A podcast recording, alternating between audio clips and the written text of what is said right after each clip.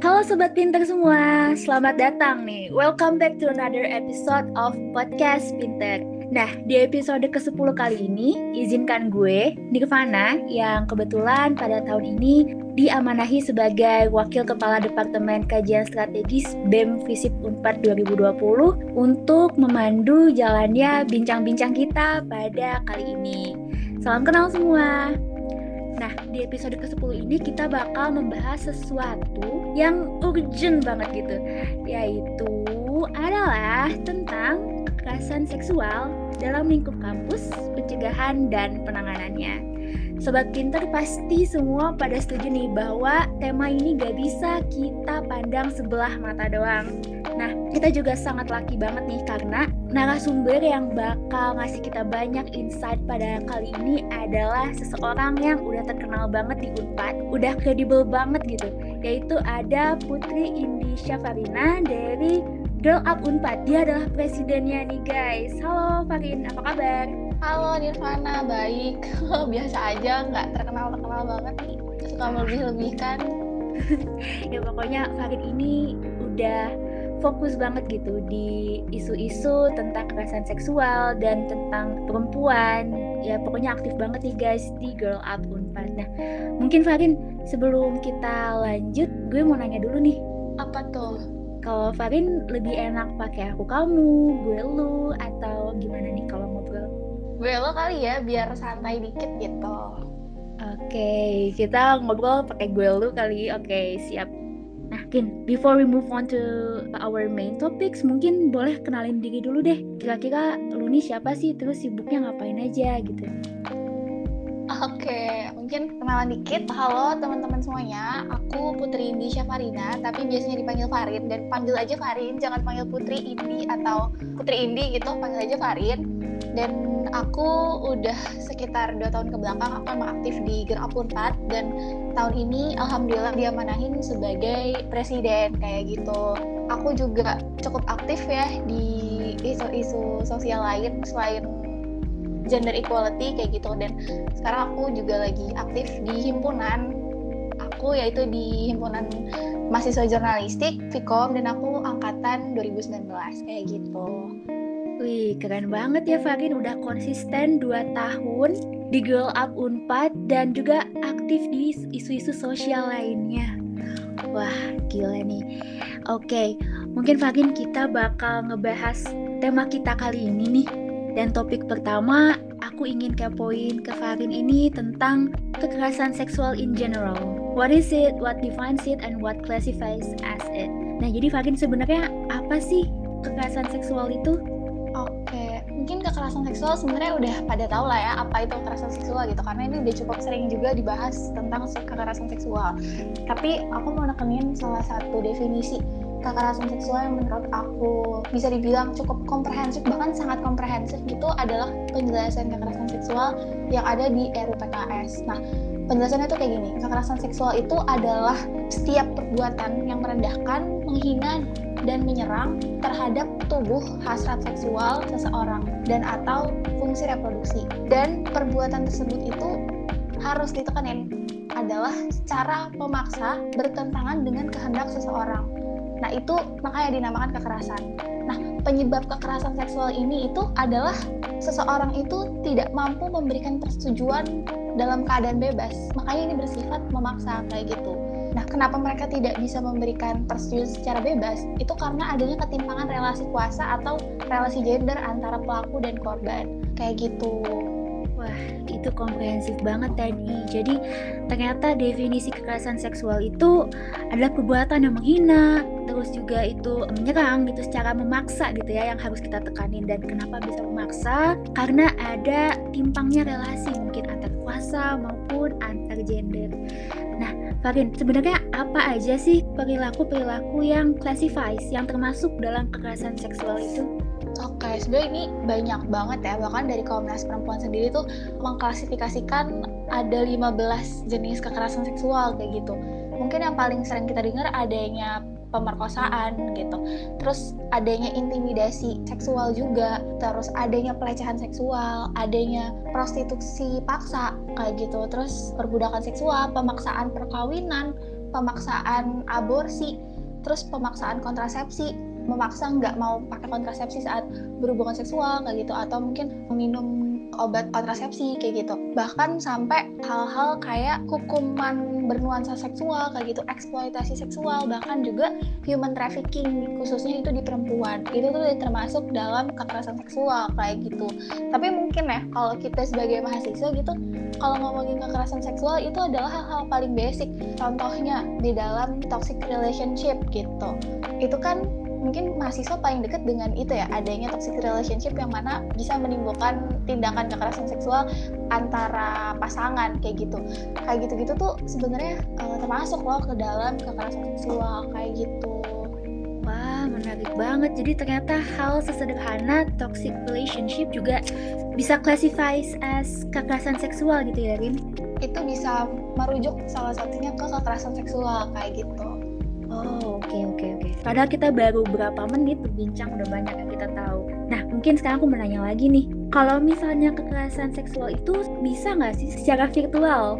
bisa banget justru bahkan ya karena sekarang udah di era di mana semuanya serba virtual bahkan didorong juga dengan pandemi akhirnya ruang digital itu menjadi keseharian kita gitu. Bisa lebih dari 12 jam kita itu menatap layar dan bahkan kita bisa berinteraksi atau beraktivitas di media sosial kayak gitu.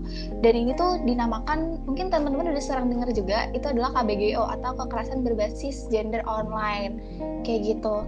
Nah itu tuh mungkin kalau teman-teman misalkan punya Twitter nih, kadang-kadang tuh kalau aku sendiri, aku kadang-kadang suka dapet DM dari strangers gitu, nggak tahu siapa, dan DM-nya tuh tiba-tiba isinya itu foto kemaluannya si sender gitu, si pengiri, pengirim gitu, nggak tahu lah sebenarnya itu foto kemaluan dia atau orang lain, tapi itu adalah foto yang bernuansa seksual, dan aku terpaksa menerima itu karena orang itu mengirimkannya itu secara personal ke aku bahkan aku merasa akhirnya secara terpaksa atau tanpa kehendak aku gitu untuk melihat foto tersebut. Nah itu tuh udah bisa termasuk ke dalam klasifikasi pelecehan seksual kayak gitu. Jadi sebenarnya hal-hal di dunia virtual gitu yang nggak kita sadari bisa aja itu loh sebenarnya termasuk dalam kategori KBGO gitu. Wah berarti sebenarnya banyak banget nih ya. Tadi kita udah uh, mengetahui sebenarnya apa aja sih yang termasuk kekerasan seksual, bahkan sampai hal-hal sekecil apa pun itu ternyata bisa gitu classifies dan mungkin kita juga nggak begitu ngeh gitu ya kalau itu sebenarnya kekerasan seksual. Aku mau nanya lagi nih ke Farin, sebenarnya upaya-upaya pencegahan kekerasan seksual apa aja sih yang bisa dilakukan oleh perguruan tinggi khususnya UNPAD agar bisa mencegah gitu kekerasan seksual tersebut terjadi dalam lingkup kampus sendiri. Oke, sebenarnya kalau ngomongin akhirnya kekerasan seksual di lingkup kampus itu kan sama dengan institusi pendidikan ya. Sebenarnya agak miris sih menurut aku. Adanya institusi pendidikan yang harusnya itu jadi ruang aman uh, mahasiswa untuk belajar gitu malah mahasiswa sendiri merasa nggak aman karena adanya kekerasan seksual gitu yang mana kampus sendiri pun enggak memberikan pendidikan soal kekerasan seksual tersebut gitu. Jadi menurut aku hal yang paling banget bisa dilakukan oleh UNPAD sebagai institusi adalah membuat peraturan pencegahan dan penanganan kekerasan seksual. Dan dengan catatan juga peraturan tersebut itu harus komprehensif gitu enggak cuman asal-asalan dibuat untuk memenuhi beban moral aja tapi memang ditujukan untuk mencegah dan menangani kasus kekerasan seksual kayak gitu. Oh gitu ya. Berarti kayak semacam bikin kurikulum gitu bukan sih Rin? menurut aku ini bisa jadi dua hal ya kurikulum dan peraturan gitu. Mungkin regulasi atau peraturan di sini dengan membuat peraturan rektor kayak gitu. Dan mana sebenarnya Unpad sekarang udah punya ya kan Ir Unpad udah punya peraturan rektor udah ada sejak tahun 2020 juga gitu. Tapi sayangnya apakah peraturan ini setelah digunakan atau telah efektif ini masih dalam tanda tanya sangat besar gitu. Karena pun kalau aku udah lihat aku juga baca ya peraturannya isi peraturannya. Dan menurut aku isi peraturan Unpad sekarang itu masih sangat jauh dari kata komprehensif kayak gitu. Karena hal-hal yang krusial yang harusnya dititik beratkan dalam pembuatan peraturan kekerasan seksual ini adalah korban gitu yang mana di dalam peraturan sekarang aku nggak melihat Unpad berusaha untuk melindungi ataupun mempermudah beban korban kayak gitu. Contohnya itu di dalam peraturan yang paling aku highlight adalah alur pelaporan kasus gitu. Di mana baiknya gitu ya, yang namanya pelaporan kasus, yang namanya korban itu lagi di titik paling rentannya secara emosional gitu, harus ngelapor ke wakil rektor langsung gitu. Gimana nggak grogi ya?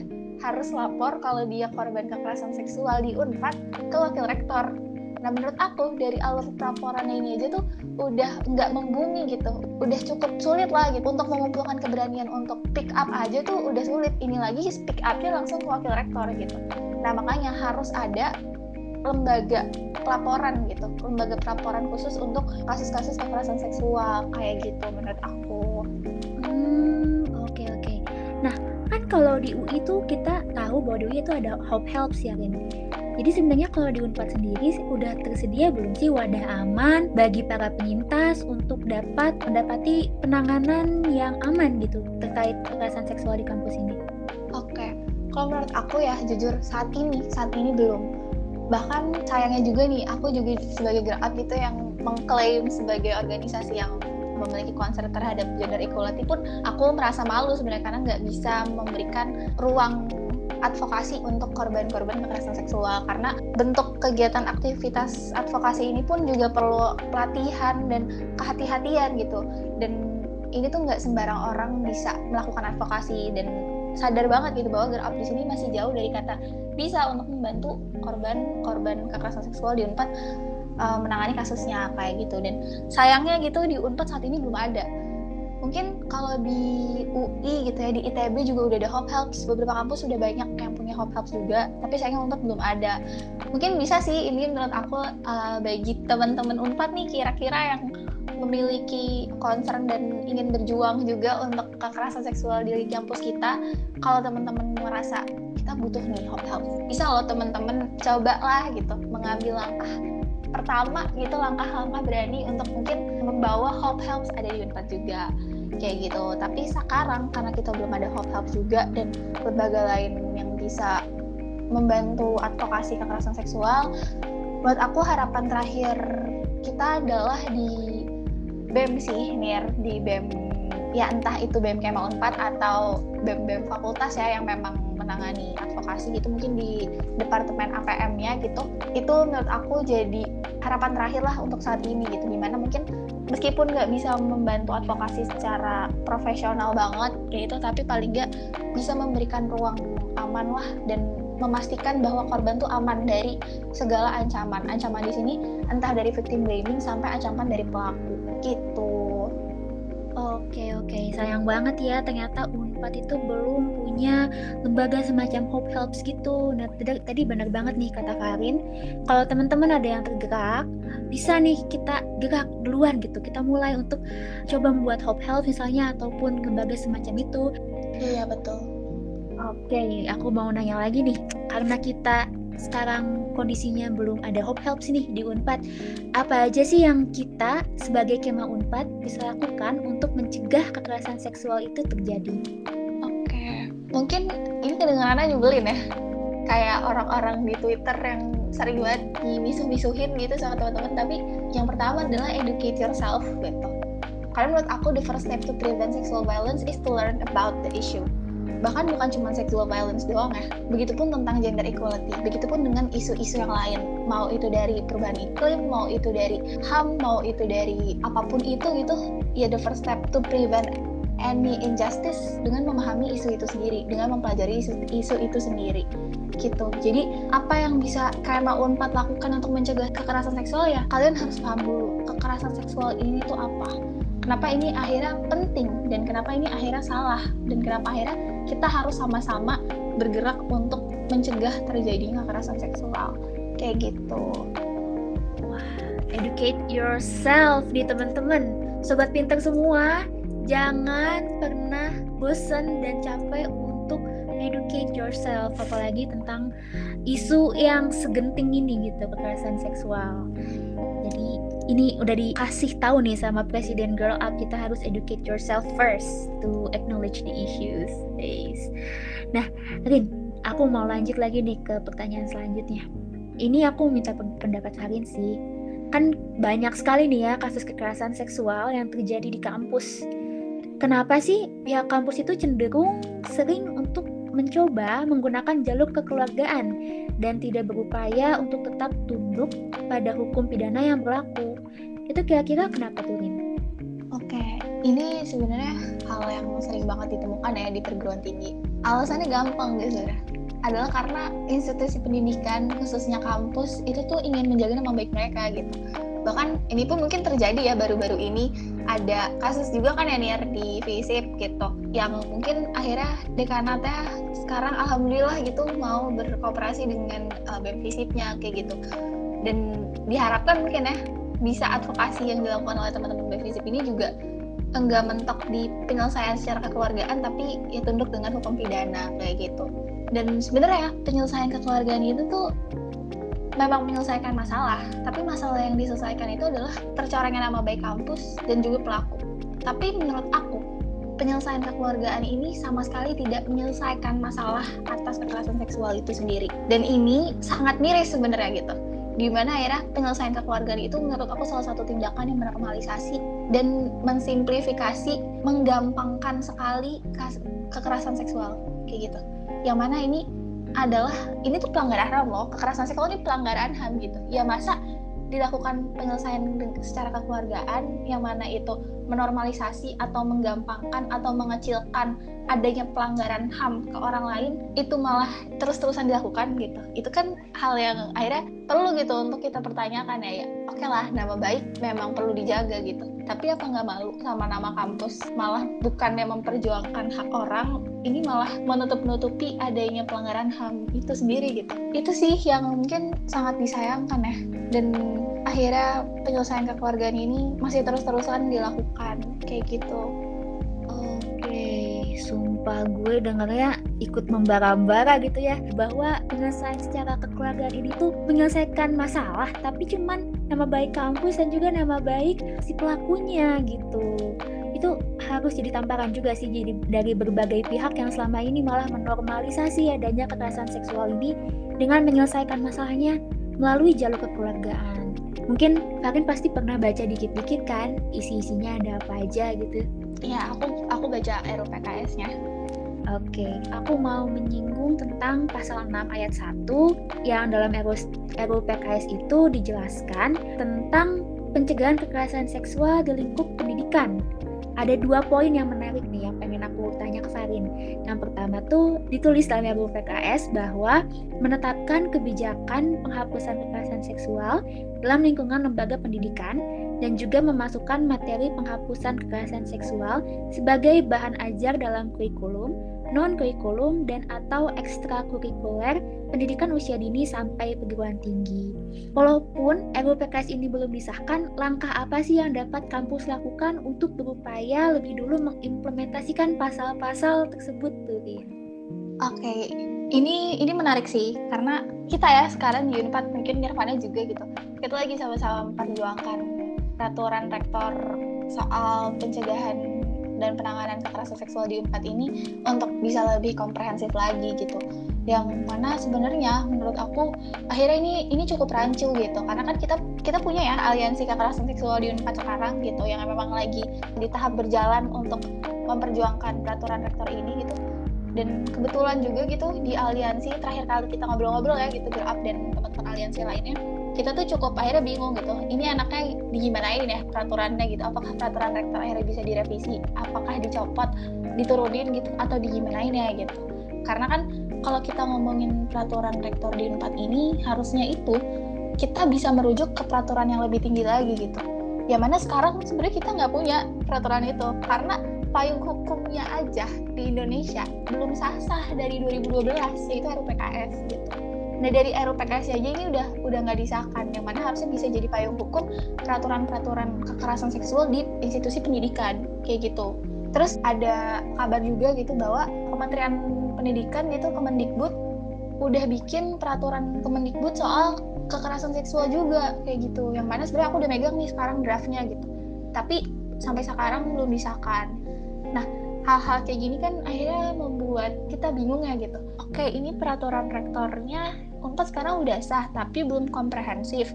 tapi kalau nanti tiba-tiba Kemendikbud disahkan apakah peraturan rektornya bakal berubah lagi ya gitu? Itu akhirnya ada ada kebingungan kebingungan di sini gitu. Ini ini baiknya gimana ya peraturan rektornya kayak gitu. Kita harus merujuk ke peraturan yang ideal tapi sekarang pun kita Indonesia belum punya peraturan ideal tentang kekerasan seksual kayak gitu. Baru sebatas draft doang yaitu RUU PKS Nah mungkin akhirnya apa yang bisa kita lakukan untuk mengadakan atau membawa peraturan kekerasan seksual yang komprehensif di Unpad ini sendiri menurut aku dengan sekarang ya dengan konteksnya Unpad gitu peraturan rektor yang udah ada ini menurut aku perlu kita maksimalkan.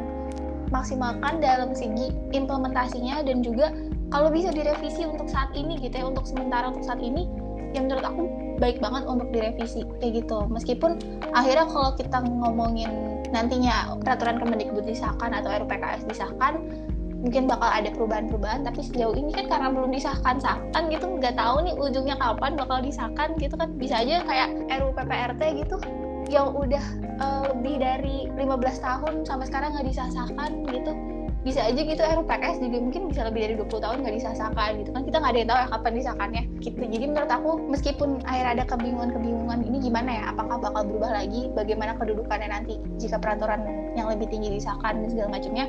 Usahakan aja dulu yang ada di Unpad nih maksimal dan komprehensif kayak gitu. Karena faktanya gitu ya kasus-kasus kekerasan seksual di Unpad itu ada gitu.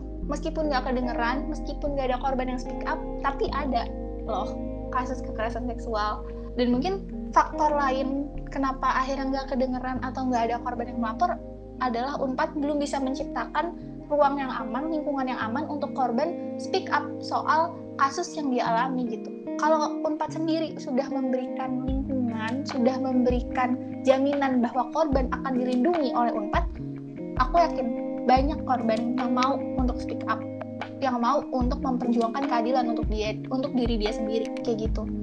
Makanya menurut aku peraturan kekerasan seksual di Unpad sekarang meskipun udah sah tapi masih banyak kekurangannya ini patut banget untuk tetap kita perjuangkan gitu. Entah akhirnya mungkin meskipun gitu ya atau nantinya rektorat akhirnya nggak menggubris gitu keinginan mahasiswa menurut aku mahasiswa nggak hopeless hopeless amat sih.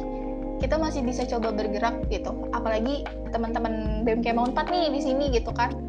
Kalau teman-teman bisa atau masih mau gitu untuk memperjuangkan isu-isu ini memperjuangkan peraturan ini atau seenggaknya gitu seminimalnya dalam kapabilitas teman-teman BEM ya bisa loh seminimalnya bikin crisis center atau uh, hotline untuk pelaporan kekerasan seksual yang mungkin memang akhirnya kita nggak bisa menjatuhkan sanksi kepada pelaku ya tapi paling nggak kita bisa membantu untuk uh, melindungi korban dan menyediakan fasilitas atau kebutuhan korban kayak gitu.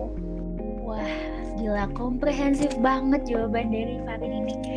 Intinya adalah kita bisa mencoba untuk memaksimalkan dulu apa yang kita punya gitu, apa yang Unpad punya sekarang, yaitu mungkin kita melengkapi peraturan rektornya, mungkin kita bisa merevisi dan lain sebagainya. Karena kalau kita nunggu-nunggu terus yang nasional, kita nggak tahu nih kepastiannya kapan gitu. Iya nggak sih? Iya banget. Nih ke Farin tadi ada sempat hal yang pengen aku tanyain lagi nih ke Farin tentang salah satu poin dalam RUU PKS ini kan dalam pasal 6 ini disebutkan juga menetapkan kebijakan penghapusan kekerasan seksual dalam bahan ajar kurikulum, non kurikulum dan atau ekstrakurikuler. Mungkin kalau kita nunggu pihak kampus yang melaksanakan hal tersebut bakal agak makan waktu yang lama. Sebenarnya kita bisa nggak sih mahasiswa mengimplementasikan hal tersebut secara kita kan punya banyak program kerja, kepanitiaan, dan lain sebagainya. Nah, gimana nih menurut pendapat Farin? Tentu bisa banget, bisa banget. Makanya tadi aku bilang kan sebelumnya, kalaupun akhirnya rektorat nggak ngegubris permintaan kita gitu, ya lakuin aja apa yang bisa kita lakuin gitu sesuai kapabilitas kita. Kayak BEM nih, BEM Kemba gitu, punya program penerimaan mahasiswa baru yaitu Prabu gitu. Dengan tadi kita merujuk ke RUU PKS adanya apa implementasi kekerasan seksual di dalam kurikulum mau di ekstrakurikuler kurikuler atau di mana pun itu bisa loh sebenarnya kalau memang panitia dari penerimaan mahasiswa baru ataupun BMKMA memiliki apa ya istilah political will untuk memasukkan kurikulum pendidikan seksual atau pendidikan kekerasan seksual di dalam Prabu itu menurut aku adalah langkah yang sangat besar untuk akhirnya memberikan pemahaman, memberikan edukasi soal pentingnya kekerasan seksual ini gitu kepada mahasiswa baru. Karena menurut aku kekerasan seksual di dalam perguruan tinggi ini pun bukan hal yang sesekali atau hal yang jarang gitu. Sebenarnya hal-hal sebatas ngejokes soal rap jokes aja gitu itu udah udah tindakan normalisasi kekerasan seksual gitu. Dengan diberikannya pemahaman atau dimasukkannya kurikulum ke dalam Prabu gitu menurut aku ini bisa banget menjadi landasan awal atau pemahaman dasar awal tentang kekerasan seksual. Yang mungkin nantinya bisa diperdalam lagi di tingkat PMBF gitu penerima mahasiswa baru di tingkat fakultas yang mana menurut aku penting banget gitu ya sebenarnya untuk masing-masing panitia dan masing-masing mungkin Kema 4 maupun BEM Fakultas memiliki ya memiliki inisiatif untuk memasukkan kurikulum kekerasan seksual ke dalam acara penerimaan barunya gitu. Toh dengan memasukkan itu menurut aku nothing tulus gitu nggak ada yang nggak ada yang dirugikan bahkan menurut aku ini sangat menguntungkan gitu menguntungkan kita untuk sama-sama mencegah dan menghapuskan kekerasan seksual di lingkungan kampus selain itu pun menurut aku ya selain di ospek gitu dengan adanya program kerja program kerja kayak podcast pinter ini nih menurut aku ini salah satu menyebarkan awareness loh tentang kekerasan seksual ini gitu. ataupun melakukan uh, diskusi-diskusi di webinar atau talk show soal ini atau seminimalnya bikin konten di Instagram gitu di IG lembaga itu menurutku udah salah satu cara kita untuk menyebarkan awareness dan pemahaman soal kekerasan seksual. Jadi sebenarnya nggak ada nggak ada alasan untuk kita nggak memperjuangkan kekerasan seksual sih menurut aku. Memperjuangkan pencegahan ya sorry. Memperjuangkan pencegahan kekerasan seksual sih menurut aku. Karena seminimal minimalnya dengan kita menggunakan suara kita menggunakan tulisan kita itu udah termasuk ke dalam perjuangan untuk menghentikan kekerasan seksual. Kayak gitu keren banget nih. Berarti sebenarnya kita ini bisa tetap bergerak gitu. Kita bisa terus berjalan walaupun mungkin dari rektornya atau dari negaranya belum jelas peraturannya kayak gimana. Asalkan kita punya political will gitu ya. Mungkin dari pihak-pihak yang terkait seperti Bengkema, kita bisa mengupayakan adanya kurikulum-kurikulum yang bertujuan untuk memberikan awareness terhadap penghapusan kekerasan seksual. Dan ya salah satu contoh implementasi hal tersebut mungkin adalah program podcast pinter ini nih yang diselenggarakan oleh Departemen Akademik dan Inovasi dari BEM Kema Unpad. Seperti itu. Nah teman-teman, mungkin para pejabat-pejabat kampus ngedengerin ini, tolonglah political will-nya dikedepankan untuk kita hapuskan kekerasan seksual ini bersama-sama. Seperti itu. Nirin, aku mau nanya lagi nih tentang creating a sexual harassment free environment di Unpad. Nah, tadi kan kita kan udah ngebahas nih tentang pencegahan, tentang uh, gimana caranya pihak kampus bisa mencegah hal tersebut, bahkan bagaimana mahasiswa sendiri, Kema Unpad sendiri, bahkan BEM dan lembaga lainnya bisa mencegah. Aku sekarang mau nanya tentang perlindungan penyintas nih Sebenarnya hal apa aja sih yang dapat kita lakukan untuk melindungi para penyintas kekerasan seksual khususnya di kampus? Untuk melindungi korban adalah satu yang paling basic, jangan jadi pelaku. Kalau kamu nggak jadi pelaku, nggak akan ada korban. Tapi kalau udah ada korban, yang paling minimal banget harus kita lakukan adalah jangan nyalahin korban. Jangan victim blaming. Dia udah jadi korban, terus disalahin. Udah jatuh ketimpa tangga rasanya tuh jadi gimana kita melindungi korban? Jangan nyalahin korban gitu. Kalau kamu nggak bisa memberikan apa yang dibutuhkan korban seenggaknya diem aja deh gitu. Gak usah nyalahin diem aja gitu. Biar korban ini juga merasa aman merasa nggak ada tekanan lagi dan dia merasa disupport sama lingkungannya. Kayak gitu. Itu itu seminimal minimal minimalnya banget nih kalau kamu nggak bisa ngapa-ngapain gitu istilahnya dan kalau kita ngomongin korban juga ini ada korban sama ada pelaku.